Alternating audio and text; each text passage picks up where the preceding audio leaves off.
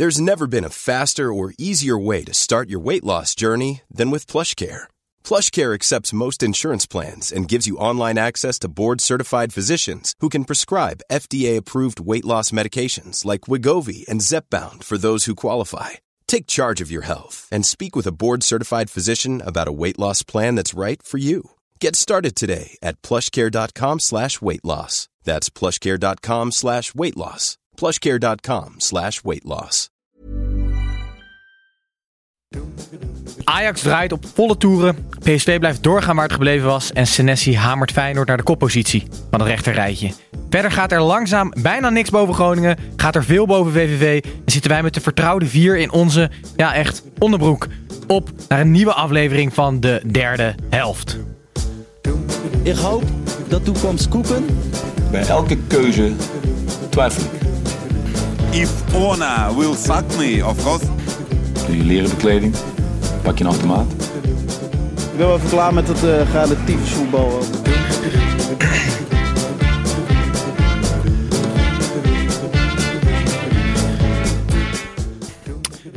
Hallo allemaal, Titus hier. De afgelopen twee weken ben ik vervangen door Gijs, maar net als Dick Advocaat wilde men vertrouwen en routine en goede communicatie.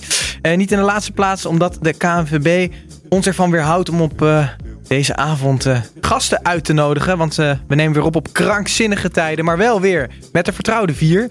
De, de, hoe werd het genoemd door iemand? De grote vier, schreef een van onze luisteraars nog. leuk om terug te zijn. Hoe is het met jullie? Gijs, heb je het een beetje overleefd? Zonder mij?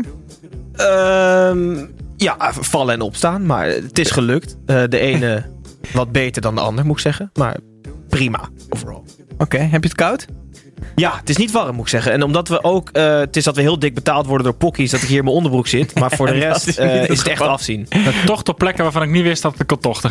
Nee, inderdaad. Wij zitten hier, zoals ja, misschien sommige, sommige van jullie uh, al gezien hebben op social media... zitten wij in onze ja, onderbroek. In onze pokkies onderbroeken. Uh, uh, hartstikke leuk. Dat hebben we uh, gekregen. En dat moesten we dan even aandoen tijdens deze show. Ik voel me een beetje een soort influencer slet. ik weet ook niet of het heel erg gaat helpen. Want op YouTube schreef AR nog... Niemand kijkt hier... Die schreef onder een comment afgelopen weken.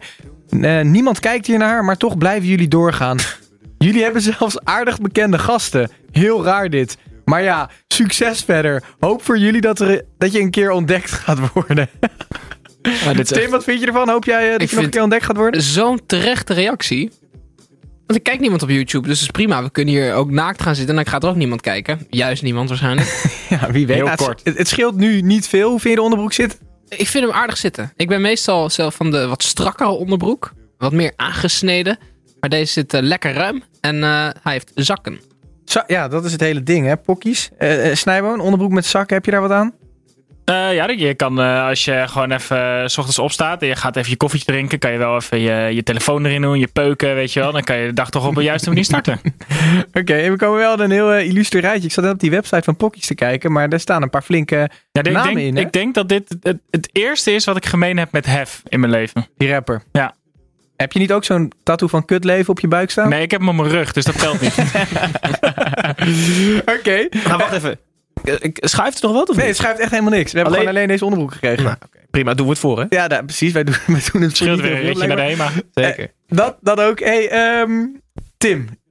Laten we langzaam richting voetbal gaan. Of ik weet eigenlijk niet of jij het daarover hebt. Maar je had voor de verandering een uh, dilemma op zondag vandaag, hè? Ja, als ik, als ik jullie de keuze geef of je mag op het veld lopen in de Kuip.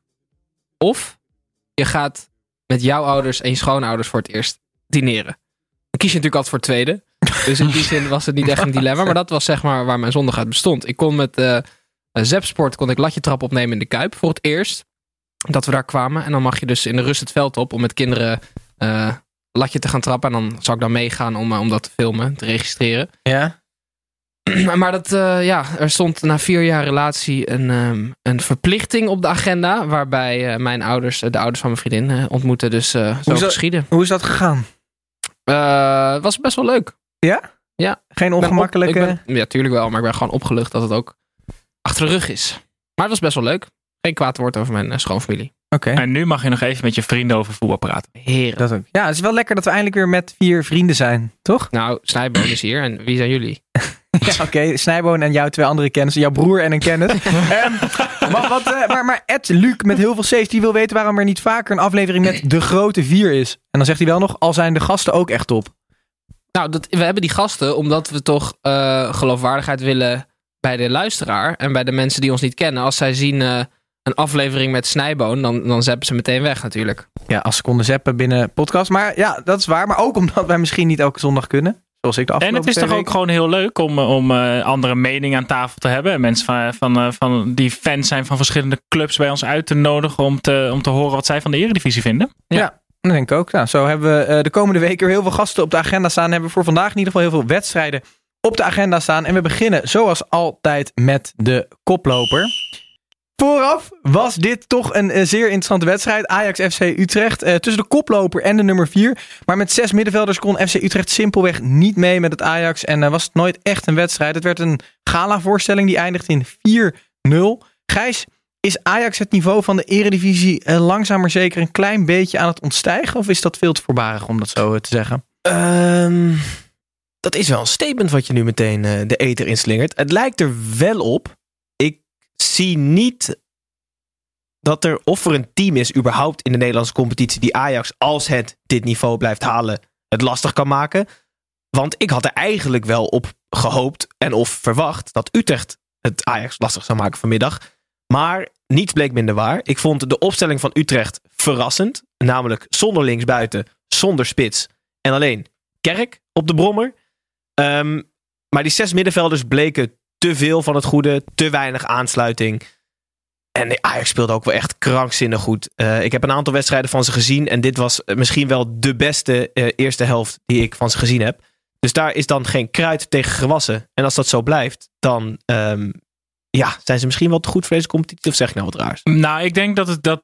Je moet hem andersom benaderen, denk ik. Als Ajax zo speelt als vandaag, is er geen club die tegen ze op kan. Maar we hebben ze minder dan een maand geleden tegen RKC eh, ontzettend zien, zien schutteren, eigenlijk. Ehm, dus ik denk dat je hem meer zo moet benaderen. Als A- alles klopt bij Ajax en, en ze.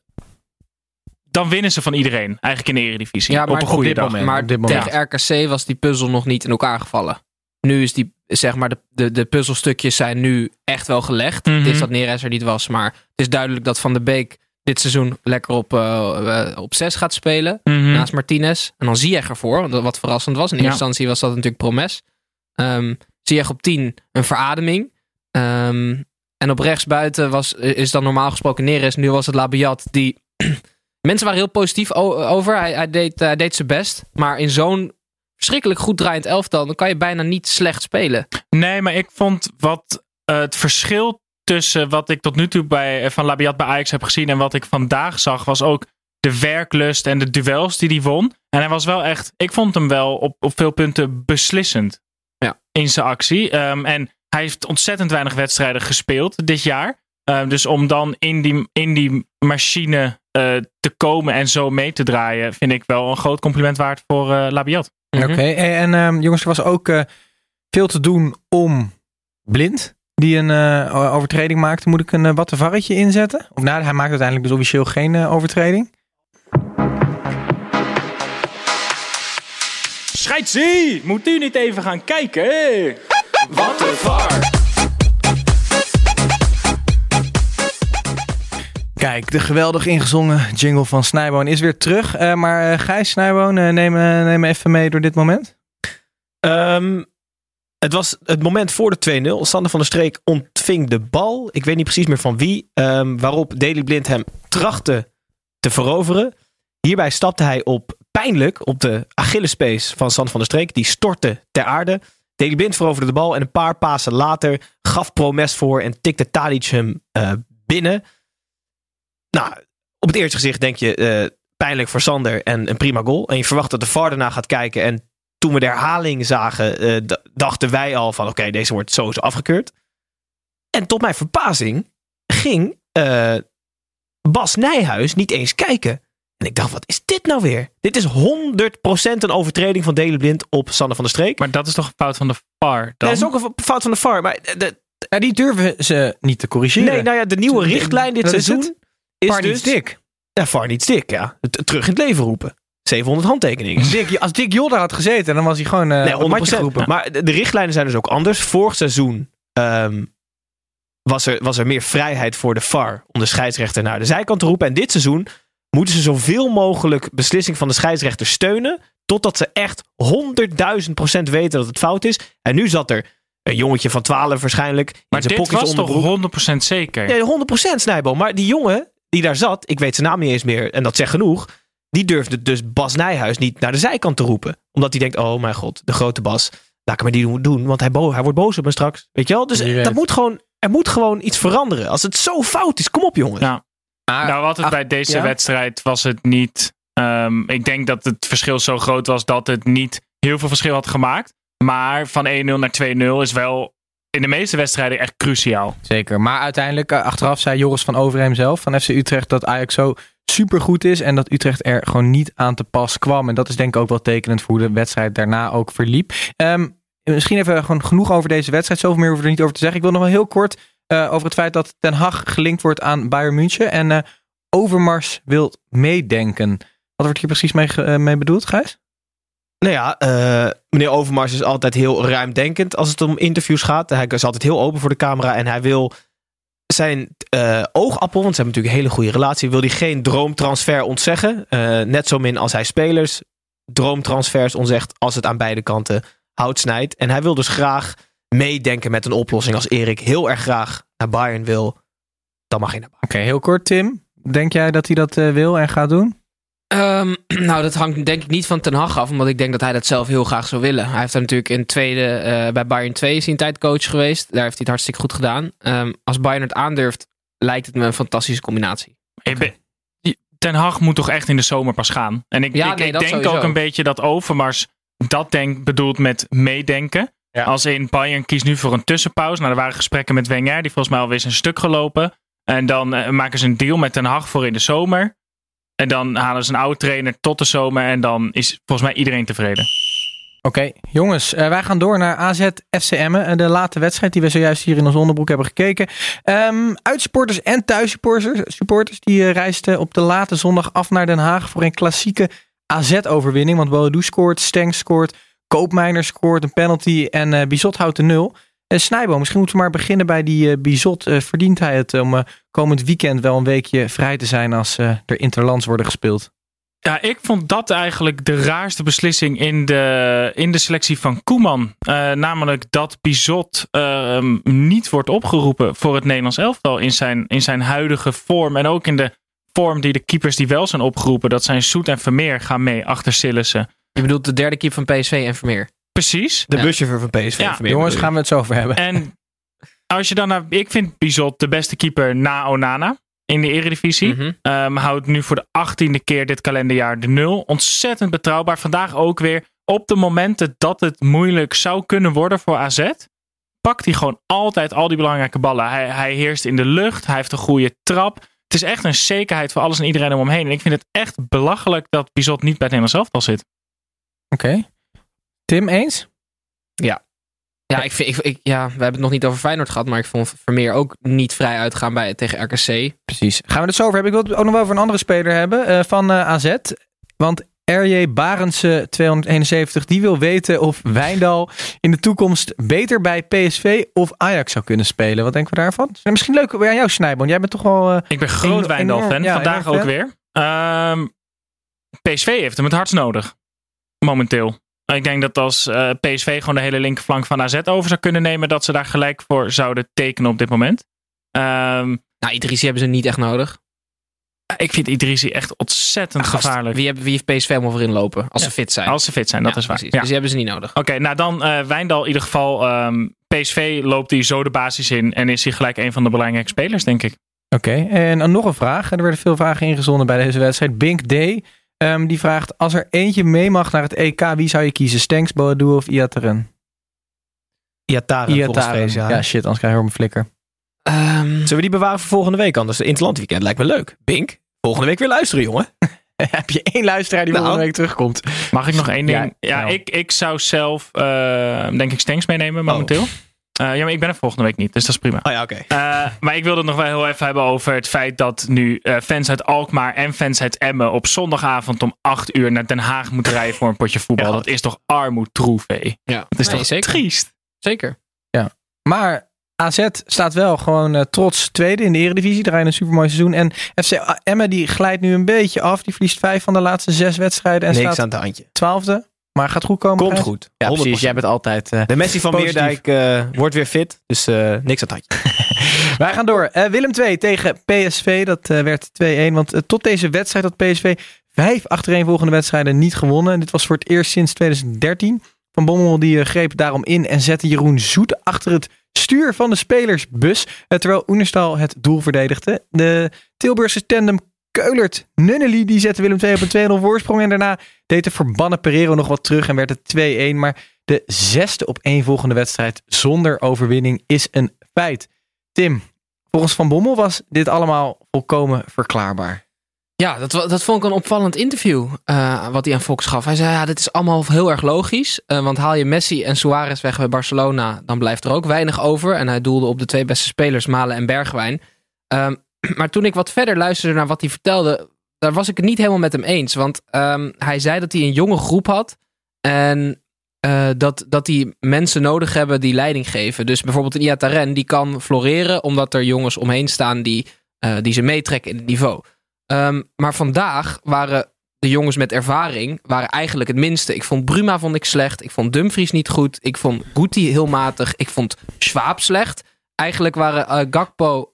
Er, Gijs? Nee, nee, nee, ga door. Ik, ik, wilde, ik kondigde even aan dat Oké. ik eh, nog op in Eigenlijk waren. Gakpo en eh, Iataren nog een van de betere spelers. En ik vond Viergever, dat is dan een ervaren kracht, vond ik goed spelen.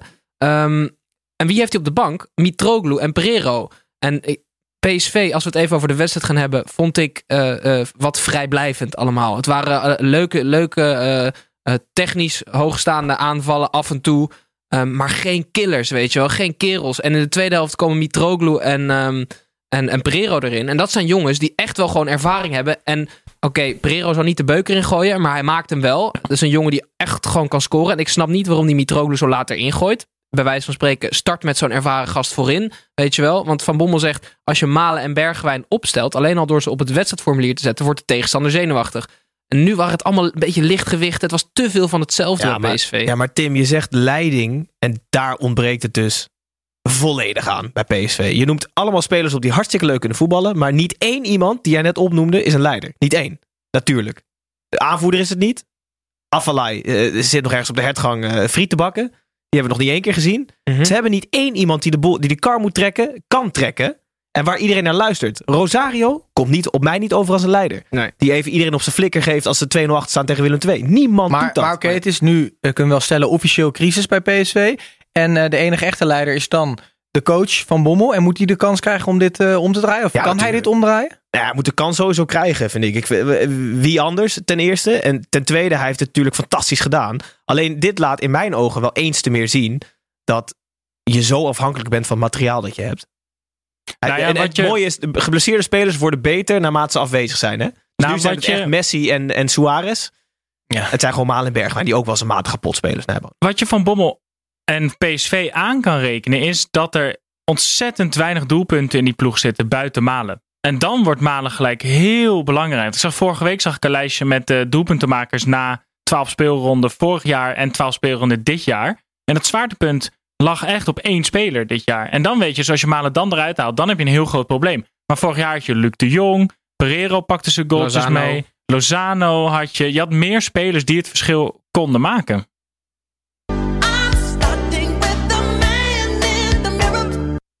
Ik dacht, ik gooi hem er even in. Volgens mij hebben we hier ook namelijk een lookalike rondlopen. We hebben hier zeker een uh, lookalike niet rondlopen, maar wel in het hoofd zitten.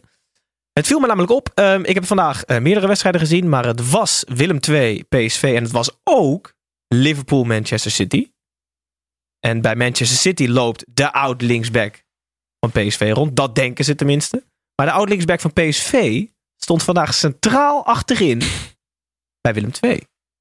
Mensen denken namelijk dat ze Holman gecontracteerd hebben, maar niets is minder waar. Angelino speelde tegen zijn oude ploeg en deed fantastisch. En, ont en snoepte ze weer drie punten af. Dus Angelino is Holman en andersom. Oké, okay, en we hebben Instagram hebben we ook. Want daar komt hij namelijk op. Oké, heel goed. Hey, voordat wij doorgaan, moeten we het wel nog even hebben over de buschauffeur. Eh, Zoet, die dus niet op de bank zat, maar ergens in de bus. Zo ongelooflijk raar. Ja, want eh, Van Bommel die, die, die stelt dan ook nog dat dit logisch was. En dat hij Zoet probeerde te beschermen. Maar wat denk jij, Snijboon? Dus eh, als we door de tijd heen lopen, heeft Zoet, dat Zoet gepasseerd wordt, eh, zat er aan te komen, toch?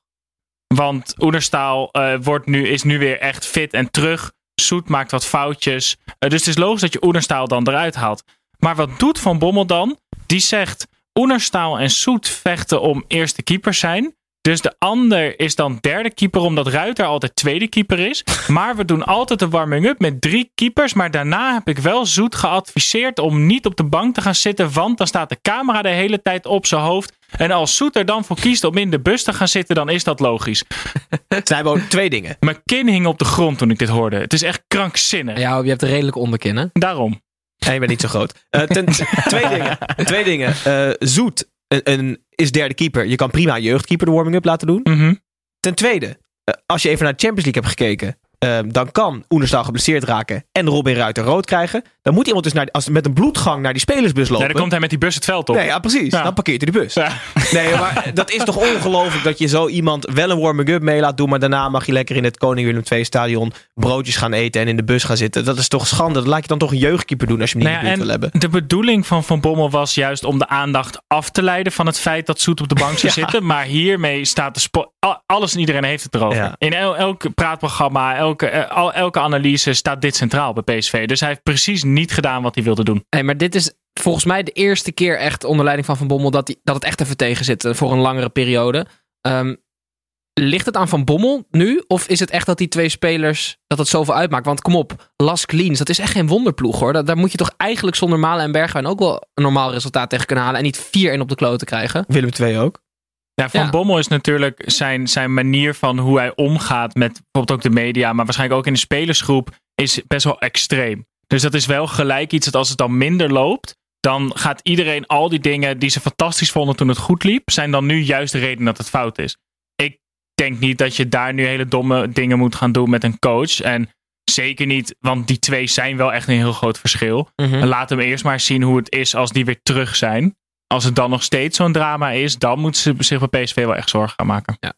Oké. Hey, jongens, we hebben het net al gehad over Zoet. Die eh, buiten het veld stond. Eh, laten wij ook het eh, over alle andere dingen gaan hebben. Die in ieder geval buiten het spel gebeurd zijn. Met buitenspel. Ehm, om te beginnen bij Gijs, wat heb je meegenomen? Ja, ehm, concurrentie ligt op de loer. Eh, ik werk natuurlijk bij ehm, Nike. Natuurlijk. Natuurlijk, dat weten de mensen. Ehm, maar Danny Makkely is scheidsrechter en heeft altijd mooie Nike-tenues met Arag op de mouw. En die gaat nu Potjan Dikkeme eigen scheidsrechterstenues produceren. Met Macron op de natuurlijk inferieure goederen. Het zal wel na een paar keer meteen kapot zijn. Prima. Maar die is nu een, heeft nu een webwinkel eh, opgezet. Waar alle scheidsrechters in, in Nederland netjes hun tenue kunnen halen. Ja, maar niet Ehm, alleen een tenue, hè? Keukengerij, want dan? Nee, ja, ook fluiten en eh, van die eh, elektronische apparatuur Oh ja? waarmee je kan communiceren met je, met je Dan grensrechter. heb je een is- headset. Kan je ook een VAR kopen dan bij hem? Zo'n jongetje van 12 die dan met zo'n scherm meereist met je de hele tijd? Nee, maar en de KVB is nu een onderzoek aan het doen of dit wel ehm, legaal is. Omdat Nike de hoofdsponsor is van scheidsrechters. Dus Zo. Danny, foei. Foei. Tim, jij heb jij iets anders meegenomen? Ja, ja, ja, jullie kennen wel de uitspraak: eh, hey, is je kapper dood? Eh, behalve Snijman, want jij gaat niet meer naar de kapper. Maar Hoeft ook niet meer. Ronaldo kan daar nu eh, ja op zeggen, want zijn kapper is doodgestoken. ja, vorige week Wat in is dit? Zwitserland is de, het is de oudkapper van Cristiano Ronaldo is de, doodgevonden in een hotel in Zwitserland. Die is neergestoken. Ja, ik vond het best wel opmerkelijk. Jezus, maar met een schaar. Oud-kapper. Nee, nou, niet met de schaar. Dacht je dat hij slecht geknipt was of zo. Maar is hij oud-kapper omdat hij dood is? Oud-kapper? Of Nee. was het dan niet meer zijn Hij kapper? was- volgens mij was het niet meer zijn kapper. Maar, dus er ehm, is gewoon iemand doodgestoken in Zwitserland. het is toch buitenspel. Gewoon een moord in Zwitserland. Zo'n opsporing verzocht is dit geworden. Ja, maar ehm, er is een 39-jarige Braziliaan gearresteerd. Ehm, en ze zijn nog Dat op is de andere Ronaldo.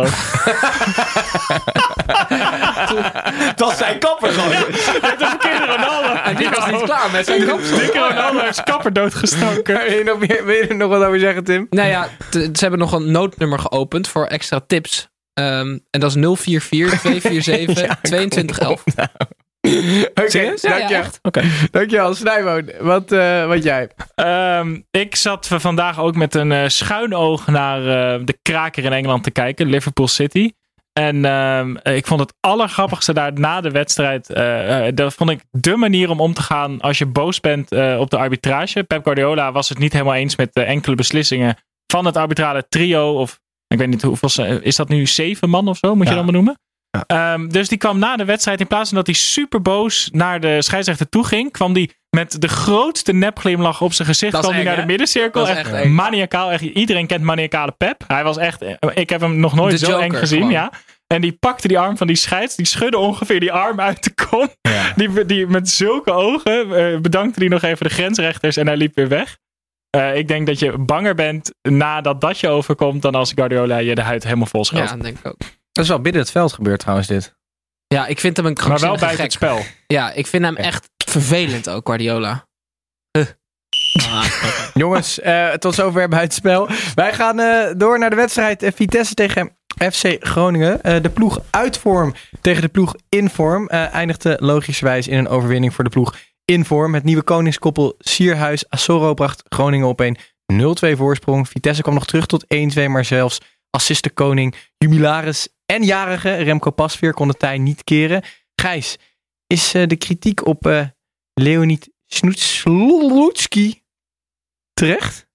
Ehm, het, het, Want hij zwelt aan nu, hè? Ik wil net zeggen, het Ja. zwelt wel aan. Ehm, het is. Ja, ik zit even te denken, want het is natuurlijk. Vitesse begon fantastisch, maar vooral de resultaten waren erg goed. Dus het spel was. Al, is eigenlijk al een tijd niet echt om over naar huis te schrijven, maar het is een soort Russisch catenaccio. Eh, ik weet de naam daar in het Russisch niet even voor. Maar ik vind het wel terecht dat het aanswelt. Aan de andere kant, ze staan nu volgens mij vijfde uit mijn hoofd. Dat is nog steeds echt uitstekend. Alleen ze hebben hebben wij ze gezet aan het begin van het seizoen? weet ik niet, maar ze hebben nu wel drie op rij verloren Ik denk vijfde. Ja, Serieus. drie op rij verloren. eh, tegen op papier mindere tegenstanders. Dus ik vind die kritiek terecht. Ehm, FC Groningen daarentegen. 13 uit de laatste vijf. Eh, ze spelen een 4-4-2 met Sierhuis, Assoro voorop. En dat begint toch echt serieus vorm aan te nemen. De achterhoede staat goed. El Messaoudi en Matusiwa is een heerlijk blok. Dus ik vind... ehm, ja, dat ja, echt positief verrast. Eh, een dingetje, je kon hem bijna niet zien. Maar Keske, Honda, zat op de tribune met een SARS-masker, een eh, bril van de HEMA en een muts op. Ja. Maar ik weet dus waarom hij dat Wa- masker had. Wat, Maar, wat voor masker? zo weet je, als een SARS-masker. Dat je zo gaat hoesten, weet je wel. Of een tandartsding. Oh, zo'n dingetje, zo'n kapje. Ja, zo'n Een mondkapje dus gewoon. Ja, een. SARS-masker. SARS-masker. Mijn tandarts heeft ook altijd een SARS-masker. Is je tandarts Honda? Leuk weet je overigens, die maskers die zijn er niet omdat zij zich willen beschermen voor de buitenwereld, maar de buitenwereld willen beschermen voor hun eigen gehoest. Ze heeft die ziek stinkende adem. Maar goed, nee, hij moet, Honda gaat... Ik weet waarom hij hem draagt. Eh, hij heeft eh, volgende week een eh, interland. Volgens mij in Hongkong. Met Cambodja. Daar is natuurlijk de smok. ehm, En hij gaat protesteren. aan de orde van de dag. En ik heb even in eh, dieper gedoken. Hij staat er niet heel florissant voor. De vorige wedstrijd eh, tegen Irak verloor hij met 4-0. Eh, de wedstrijd daarvoor, eh, altijd lastig tegen Iran. Het werd eh, 14-0 voor de Iranezen. En met met een beetje geluk was het omgekeerd. En hij staat onderaan de groep. Dus Keske, werk aan de winkel en maar succes. mensen die niet hebben geluisterd. Honda is dus de eerste speler-bondscoach ooit in de Eredivisie. Hij is de speler van Vitesse, bondscoach van Cambodja. Oké. En eh, dat Vitesse dat verloor dus wederom eh, van FC Groningen. En wij gaan het hebben over eh Heracles Almelo tegen VVV Venlo. VVV die zakt dieper en dieper weg en lijkt de laatste maanden niet meer te kunnen winnen. Wie wel lijkt te kunnen, kunnen winnen en in populariteit enorm aan het scoren is, Tim. Ik kijk nu al naar jou. Dat is Cyril Dessers, want die had met drie doelpunten en twee assists een enorm aandeel in deze 6-1 overwinning. Dus onze luisteraars die lieten zich horen. Eh, want eigenlijk was de vraag die iedereen bezig hield eh, aan jou, Tim. Hoe slecht was Dessers vandaag? En dan ga ik even een paar namen af. Roderick Klaver, R.J. Barendse, Merlijn Baaiens, Lars Stuifbergen, Oscar de Jonge, Thijs Kroo, Ralf Benerink, Rink, Thomas ten Velde. Iedereen wilde van jou weten wat jij van Cyril Dessers vond vandaag. Ehm, assist 1. Hij leverde de bal in bij Merkel. Oh, je bent zo'n lul.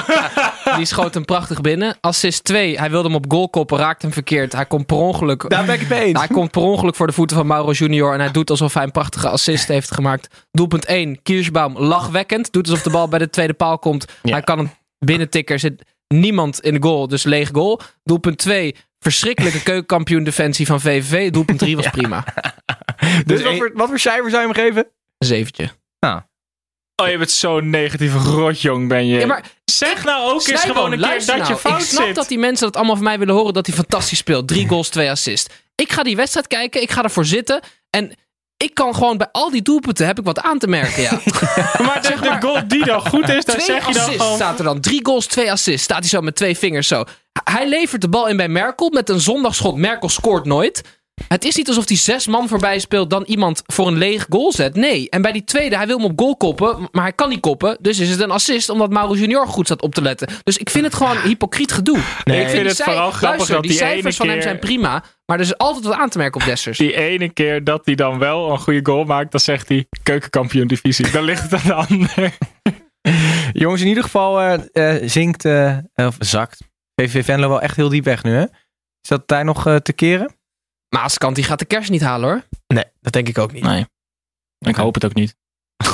ja, sorry. Ja, ik, nee, ja, ik heb altijd. Ik Ik, ben geen fan een van. Ik, vind, ja. ik ben geen fan van Maaskant. Dus ik hoop dat ze Marie Stijn gewoon weer terughalen. Die heeft zijn huis vast behouden daar. Die kan gewoon weer lekker daar die jongetjes gaan, eh, gaan motiveren. Hoe bedoel je? Woestijn. Jezus. Hoe kom je hier daar zoveel jaren opeens op? Heerenveen eh, tegen Sparta. Eh, Lars Veldwijk eindelijk eens in de basis en liet zich gelden met een doelpunt. Maar dat was niet genoeg voor de Rotterdammers. Want zaalvoetballer Ejuke liet zich nog meer gelden en schoot met twee doelpunten. Heerenveen eigenhandig naar de overwinning. Eh, de stadionmanager die wilde geen seconde langer energie verspillen. En zette de lichten direct uit na de wedstrijd. Snijboon, afgezien van dat, heb jij genoten van eh Ejuke zaterdag? Ejuke is echt. Ik, ik geniet echt met volle teugen van die man. Want. Johnny Jans zei ook al aan de wedstrijd. Ejuke doet nog steeds ontzettend veel fout. Hij komt naar binnen als het niet, eh, als het niet, als het niet nodig is. Hij gaat buitenom, maar geeft een slechte voorzet. Ballen springen van zijn voet. Maar hij heeft een paar keer per wedstrijd dat het lukt. En dan is het echt een spektakel. Dan, dan passeert hij iedereen. Dan loopt die spelers voorbij alsof ze er niet staan. Hij kan zelfs afronden nu. Ongelooflijk. Volgens mij gaat het met de assistjes nog niet zo lekker bij Ejuke. Maar Hij heeft er precies nul. hij heeft er precies nul. Elke keer als de jongen de bal krijgt, gebeurt er wat. En, en hij kan, als het goed gaat, elke speler in de Eredivisie voorbij. Dus een mannetje meer creëren. En eh, ook nog eens volgens mij een hele vrolijke gozer die geniet van het voetballen hier in Nederland. Dus ik geniet met volle teugen van eh Chidera Ejuke. Hij heeft wel echt de carrière van Dirk Abels beëindigd hè, bij die 2-1. Had je dat gezien? Hij speelde hem door de stokken. Ja, en, ja, ja. en ook Vriends, hè, die hele vriendelijke centrale verdediger die niet kan verdedigen. Die stonden er gewoon bij te kijken. Die grepen naar hun haren, want het ging allemaal te snel. Dat is verschrikkelijk verdedigd. Maar was, het is echt leuk om een speler te hebben die gewoon echt nog ouderwets een mannetje kan passeren. En het blijft proberen, als, Ja. ook al lukt het niet. En hij is eh, behoorlijk snel. Zijn zwaartepunt ligt laag, zoals jij dat zegt, Snijboom. Dus Ja. hij kan makkelijk kappen en draaien. Ehm, ik vind het een, ehm, een hele opwindende buitenspeler. We gaan in ieder geval door, maar blijven bij jou, Tim. Ik heb een weetje, niemand wil het weten. Ja, ik heb een weetje.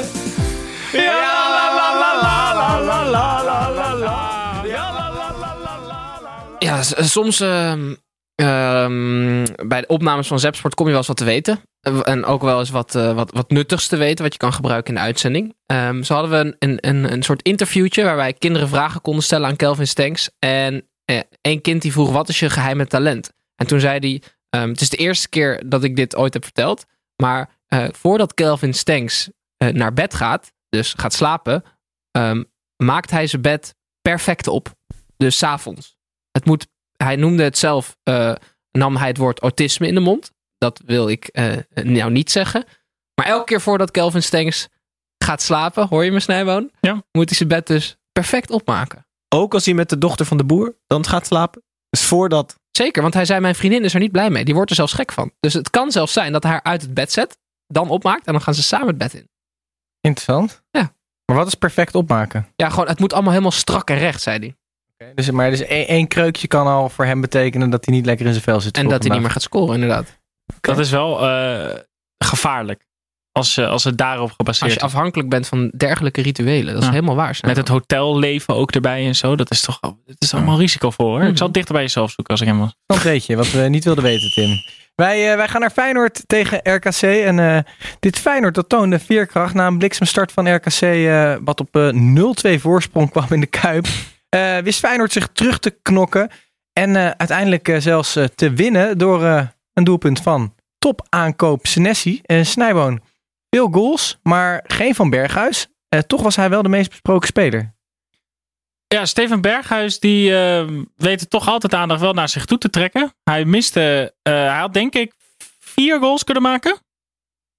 Twee, ja, twee had hij moeten maken sowieso. Ja, een kopbal en een bal die hij eh, bij de eerste paal binnen kon lopen. Die hadden er sowieso in gemoeten. Maar waar het Oh, die, eigenlijk... die had Cyril Dessers die wel gemaakt, denk je? Nee, Nee? Denk ik niet. Waar het eigenlijk eh, na de wedstrijd eh, veel om ging, was het feit dat eh, Fase, de keeper van RKC, na een kans van Berghuis tegen hem zei: Lekker voor je dat je hem miste. Mhm. En ehm, in plaats van dat Berghuis, zoals mijn verstandige collega Gijs tegen mij zei, tegen die keeper zegt: Hahaha, ik sta voor. Ehm, koos Berghuis ervoor om hem een elleboogje in de ribben te geven. Dat vond Berghuis zelf niet echt een probleem. Hij vond het zelf eigenlijk volgens mij wel grappig en wel oké dat dit nog gebeurt op het voetbal. Ja. Nou moet ik zeggen, in de kelderklasse is dat ook wel oké. Een keeper roept wat, je geeft hem een tikkie en je gaat door met de wedstrijd. In de eredivisie is het, is het gewoon oerdom. Sterker nog, als aanvoerder van Feyenoord is het schandalig. Want ik snap het echt wel, het argument wat Dick Advocaat had gezegd van hij is mijn beste speler, dus ik maak hem aanvoerder. Mhm. Maar het eerste wat ik dacht toen ik hoorde dat, dat, ehm, dat Berghuis de aanvoerdersband kreeg, is hij is eigenlijk een niets een leider. Het is een best wel grillige speler. Hij is, qua cijfers is hij best wel belangrijk. Maar op het moment dat het even te heet wordt, is hij een van de eerste die zich laat gaan. Hè? Ja, maar ik, kan me nog hem- herinneren een krankzinnige fopduik waar hij achteraf gelukkig om kon lachen. Maar die ging wereldwijd viraal om- omdat hij zo zichzelf compleet belachelijk maakte. Eh, dit weer. Ehm, ik, ik, ik, weet niet, ik weet het niet of het handig is om hem aanvoerder te maken. Ja, ik vind dat dus wel. wel. de volgende stap die hij moet zetten als speler. En ik snapte het ook wel, want tegen VVV bijvoorbeeld vorige week zag je wel echt de goede kant van Berghuis Ja, maar als dat is de eerste wedstrijd onder een nieuwe trainer. Dan laat je echt je beste kans zien. Dit was Berghuis die zich realiseerde... hey shit, ik speel bij Feyenoord. We staan 2-0 achter tegen RKC. En aan het eind natuurlijk niet. Maar het is allemaal niet zo Hosanna. En dan laat hij zich in één keer heel snel gaan. Ik vind dat echt een slechte zaak. Even terug, eh, terug naar de wedstrijd. Ja, want dit is denk ik eh, eh, het negatieve verhaal dat aan deze wedstrijd eh, vastkleeft. Maar er is ook wel voor Feyenoord eh, toch ook wel echt een positief verhaal. Eh, ze begonnen dramatisch. RKC komt snel op 2-0. Twee keer ziet en de verdediging en Vermeer er niet goed uit. Maar wat er daarna gebeurde, hebben we denk ik al een tijdje niet meer bij Feyenoord gezien dit jaar. En dat is dat de mouwen opgestroopt werden, dat er weer voetbal in kwam. ehm, dat het ook echt ging lopen. Eh, eh, jonge Toornstra, die, die kwam in de wedstrijd. Ik vond Kokju echt, Kokju echt goed spelen. Um, Sinisterre raakt geblesseerd. Er komt Larsson voor in de ploeg. En die eh, gaat ook goed spelen. Haps die in vorm raakt. Ik vond dit echt wel tekenend de reactie van Feyenoord op wat er op het veld gebeurde. En dat moet, dat moet ook wel tegen een hekkensluiter als Ja, maar Zeker, maar onder Stam kwam, volgde deze reactie niet als het tegen zat. En dat heeft de advocaat in die korte tijd wel voor elkaar gekregen. De mouwen worden opgestroopt. Het geloof is er ook. Bij 2-0 in de Kuip, weet je wel, eh, supporters weer boos. Kunnen ook die koppies gaan hangen, dat ze ook helemaal in paniek kunnen raken. Maar eigenlijk was er vanaf de 2-0 continu het vertrouwen bij de Feyenoord-spelers dat die goal wel ging vallen. En als ik het dan iemand gun om die winnende te maken, dan is het eh Senesi of Senesi, zoals die vandaag wordt werd genoemd, of Senesi. Dat mag alle drie, denk ik. Ja. Ehm, Studio Sport wel. binnenhameren noemen we dit, hè? Goede voorzet, maar wat knikt die hem eh, binnen. Hangen in de lucht, hè? Ja. Hangen. Hij Ja. is eh, naar het ziekenhuis gebracht, hè, net. Hij is ze vrezen voor een botbreuk in zijn ar- onderarm. Oh, nou, dat, eh, dat noemen ze de hoek waar de klappen vallen. Ehm, nee, maar Feyenoord eh, liet echt, echt weer zien eh, wat er in deze selectie zit eh, vandaag. En dat, eh, dat stemde mij wel, wel positief eigenlijk. Nee, ik Dus vind was het wel interessant wat je zegt over dat advocaat. In... Denk je echt dat, dat hij dat heeft gedaan? Dat hij dat bewerkstelligd heeft? Dat wat Feyenoord nu wel reageert na een tegenslag? Het is wel die wisseling, denk ik. Je zit allemaal in de put en het loopt niet. En het loopt niet met die trainer. En op den duur zit je op een pad waar je denk ik, waar niemand meer van snapt hoe je daarvan afkomt. En dan is het enige wat je kan doen, is wel echt iets omgooien. Ehm, Ja, en het is gewoon lekker om iemand te hebben die de boel een beetje relativeert en een beetje humor heeft. Want dat, maar wel ook, alles zo hij is ook gewoon keihard als het moet. En wat Gijs zei bij die 3-2. Advocaat heeft best wel wat doelpunten al gezien in zijn carrière, toch? Ja. Wel een paar duizend waarschijnlijk. Mhm. En die springt daar op dat veld bij die 3-2. Alsof, alsof dit de- het eerste doelpunt wat hij als coach heeft meegemaakt. Ja, maar dat vind ik dus wel een verdrietige zaak. Dat al die spelers van Feyenoord helemaal uit hun plaat gingen bij die 3-2. Tegen RKC Waalwijk. Nee, maar dat is ga je dan uit je, staat plaat. 2 je staat 2-0 achter, je draait het om. Als hij dan valt, dan, dan ben je wel gewoon blij. Dat is de emotie van die wedstrijd, je, van periode. Ik zou het een speler kwalijk nemen als hij niet uit zijn plaat Nee, gaat. ik maar zou, na mijn een excu- 3-2 ik zou heel uitbundig mijn excuses aanbieden aan het publiek en teruglopen. Nee, ja, wat lul Beetje zoals Guardiola. Ja, precies. Jongens, eh, we, we, gaan, we gaan door. Eh, FC Twente tegen PEC Zwolle. 2-1. Eh, beide ploegen die verloren vijf van de laatste zes wedstrijden. En beide ploegen stonden stijf van de zenuwen. Maar FC Twente leek er toch iets beter mee om te gaan. En kwamen 2-0 voor. Daarna was PEC misschien wel beter. Het scoorde uiteindelijk wel nog één keer. Zeg ik dat goed? Ja, want het werd 2-1. Ehm Gijs, als de doelpunt zou blijven vallen... wordt het heel lastig voor eh, dit seizoen, hè?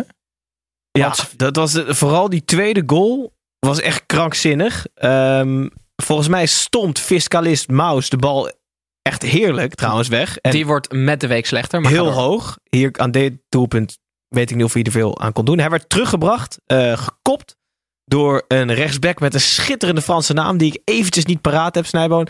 Iets van Latuguière of zo. Ik ga, ik, ik, ik, ik, ik, ik ga hem even voor je opzoeken. De, waarna er een miscommunicatie was tussen eh, Nakayama, die bij de paal stond te dekken, en die bukte omdat hij dacht dat Maus hem zou vangen. Maar geen van beiden raakte de bal en die ging erin. Dat was de 2-0 van Twente. Daarna werd Peck beter. Ehm, kwamen ze ook verdiend terug in de wedstrijd.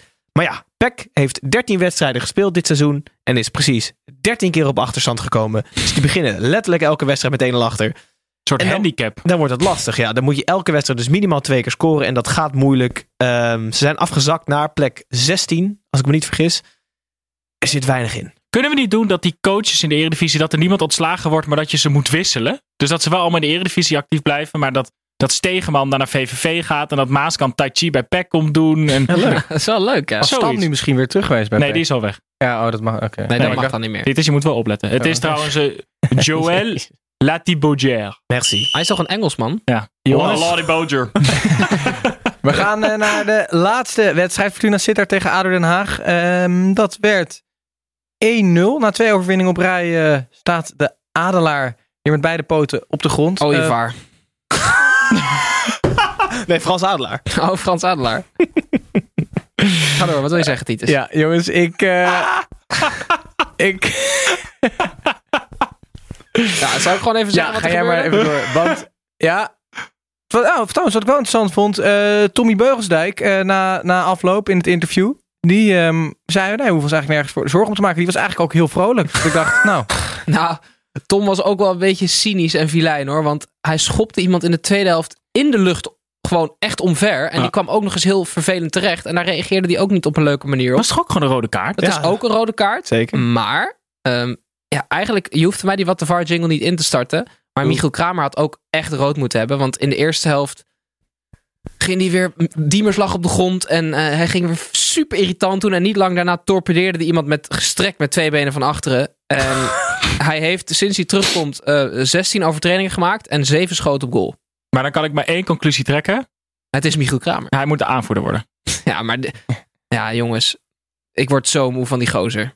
Ja, Ik vind echt dat hij geboycott moet Jij wilde hem toch op laten stralen ook door een Door UFO? een UFO.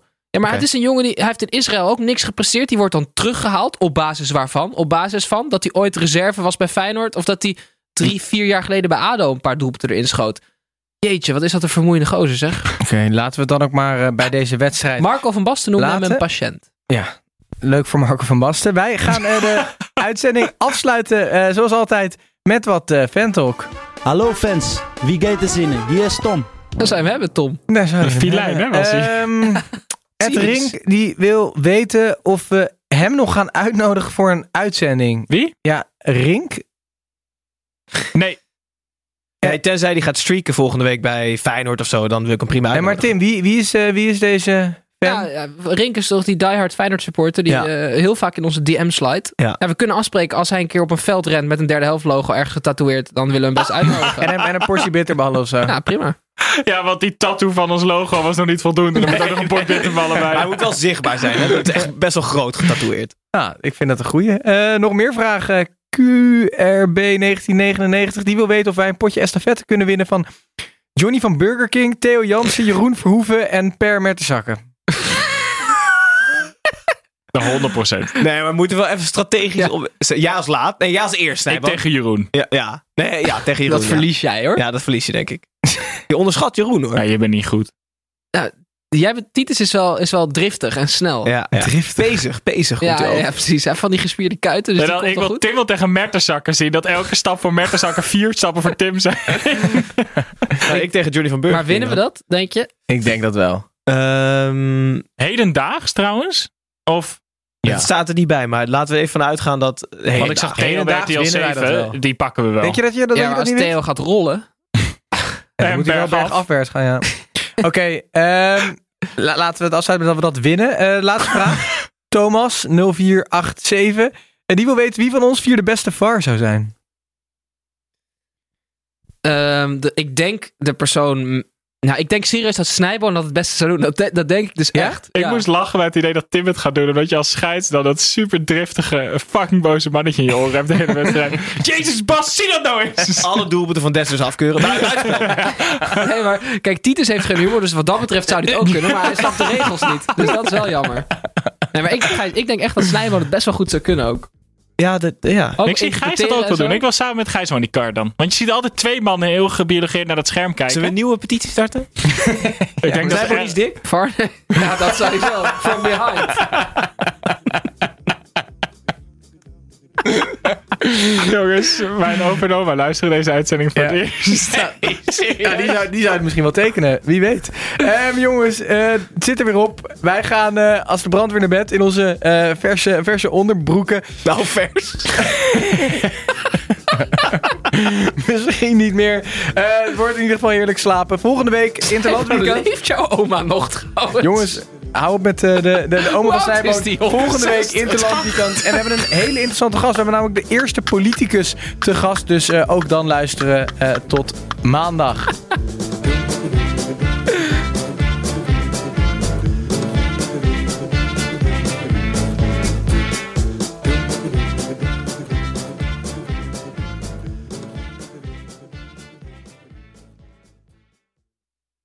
Made USAA insurance for veterans like James. When he found out how much USAA was helping members save, he said, It's time to switch. We'll help you find the right coverage at the right price. USAA. What you're made of, we're made for. Restrictions apply.